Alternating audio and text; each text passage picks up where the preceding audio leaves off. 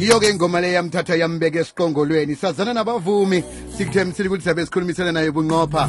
Nomfundo mo. Lotsha tatabo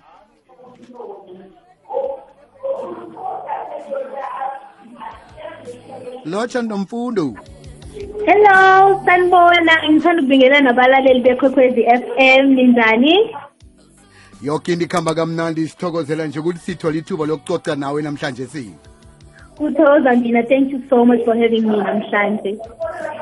aha ngidlala ingoma le iphakade lami yakuthatha yakubeka esiqongolweni eh kulapho esakwazi khona hle kuhle unomfundo mo ngubani nginekareko kodwa ukuthi ngithola ukuthi umolo utsho ukuthini ujameleni Oh ningangihleki ke, ningangihleki.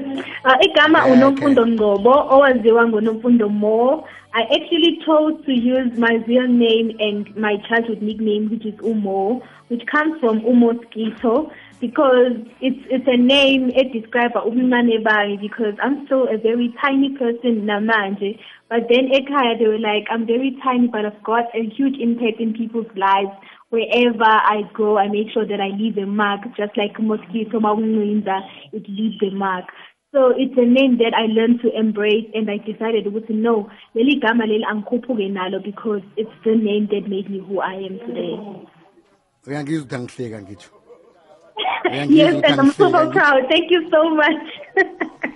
thokoza kakhulu kwamambala njeke ngibonile enyangeni esibuya kizwezi uthola nezicu mhlawumbe ungasicocela ngezicu zakho eh nokuthi ukhuthazwe yini ukuthi nanyana wenza kuhle ku-music ukhona ukuthi usunduze ngamandla eh efundweni Thank you so much ngokungishela okuhle. I've always been in academia ngumuntu othanda imfundo njengegama lami. Igama lami means mother of education imfundo. So ngikhule ngumuntu oyithanda kakhulu imfundo. Nga ngafunda ngaze ngafika e-UKZN. Ngithe mangifika e-UKZN vele bengumuntu othanda umculo. It was something that I used to do on my free time. So ngokuthanda kwami umculo abantu bagcina sebekholelwa kumina bakhula nami to a point where ngibona ukuthi okay it's getting serious but ngibonile ukuthi okay umusic unako ukuba seasonal you cannot guarantee your space to be here forever so angikwazi ukuthi ngingathi because izinto ziyakhanga kumusic sekumele ngishiye isikole okuyiyona into engenzeka ukuthi ngiyozuza kakhulu ngayo at a later stage. So kubalekile ukuthi noma kuthiwa ngiyaqhubeka no-music but nginayo-ke isitifiketi engihleli naso noma i-qualification engihleli nayo engizongqongqoza ngayo mhla izinto zangahamba ngendlela engifisa ngayo ku-music.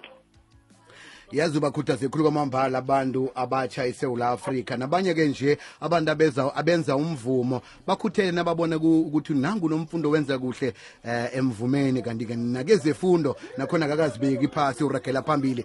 Kusicoceleke ukuthi ikhambo lakho lithingaphi from nje ukuya phambili Kwenzolisa kakhulu ukubona ukuthi there are people who are inspired. Lokho kungenza ngibone ukuthi I'm indeed serving my purpose because my purpose has always been to inspire other people and make people believe ukuthi ama dreams abo are indeed valid bangayeki ukuzama.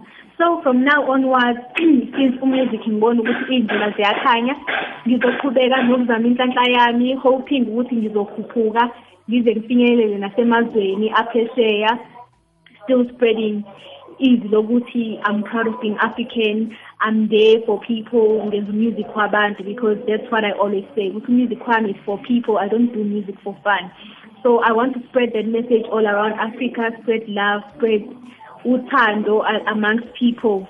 And unokuthi ngiyafisa ukuthi at a later stage ngibe khona ekusizeni intsha because ziningi indlela zokusiza abantu. Ngiyabona ukuthi ah, abanye abantu especially abaqhamuka emakhaya njengami abanye bayadinga ukwaziswa about izindlela zokuthi bafinyelele lapho befuna ukufinyelela khona. Abantu banamaphupho but abanye abazi ukuthi kumele benze njani ukuze bezofinyelela kuwona. So ngiyafisa ukuthi ngelinye ilanga ngibe namandla okukwazi ukuthi ngifinyelele kubona ngibasize lapho ngingabasiza khona. Yazi imisebenzi yakhe ibonakele konke nje nabonongorwana abaningi basadi music awards ungasicocela ngayo uzizwe njani ngemva kokuthi-ke uvezwe ukuthi na ungomunye wamanominees Yo, I was super super super happy. ngangigile kahle kahle ngoba ngangisekhaya futhi ke ngibakhombisa uma ukuthi hayi bo nakhu la sengithole ama-nominations amaningana impela because I think I got nominated like three or four times which is a huge or a big deal for umuntu ofikayo njengami because I'm still a new artist but because abantu babone igalelo engibe nalo kwi-industry ingakho bebone ukuthi kungifanele lokho okwenzakalayo. Ngiyabonga kakhulu.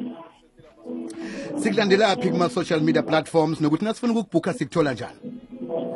Oh kwabafisa ukungibhuka ngikuthanda ukuthi bangithinte kule number ethi 081 208 8025 ngicela ukuyiphinda ithi 081 208 8025 that is the number for ama-bookings kanomfundo. And if abantu be- be- bedinga mhlawumbe noma besifisa ukungifolowa kuma-socials which i really really would appreciate ngicela bengifolowe on instagram at i am nomfundo more umo is m o h bangifolowe nafacebook ipage lami sinomfundo mo more underscore music kanjalo nakutwitter ithi nomfundo underscore more tatabo sifisela ichudo rakhe phambili ngemsebenzi emihlo yenza kwangitsho ngiyabonga kakhulu. Thank you so much for having me today. Sithokoze khulu kwamambala kunomfundo more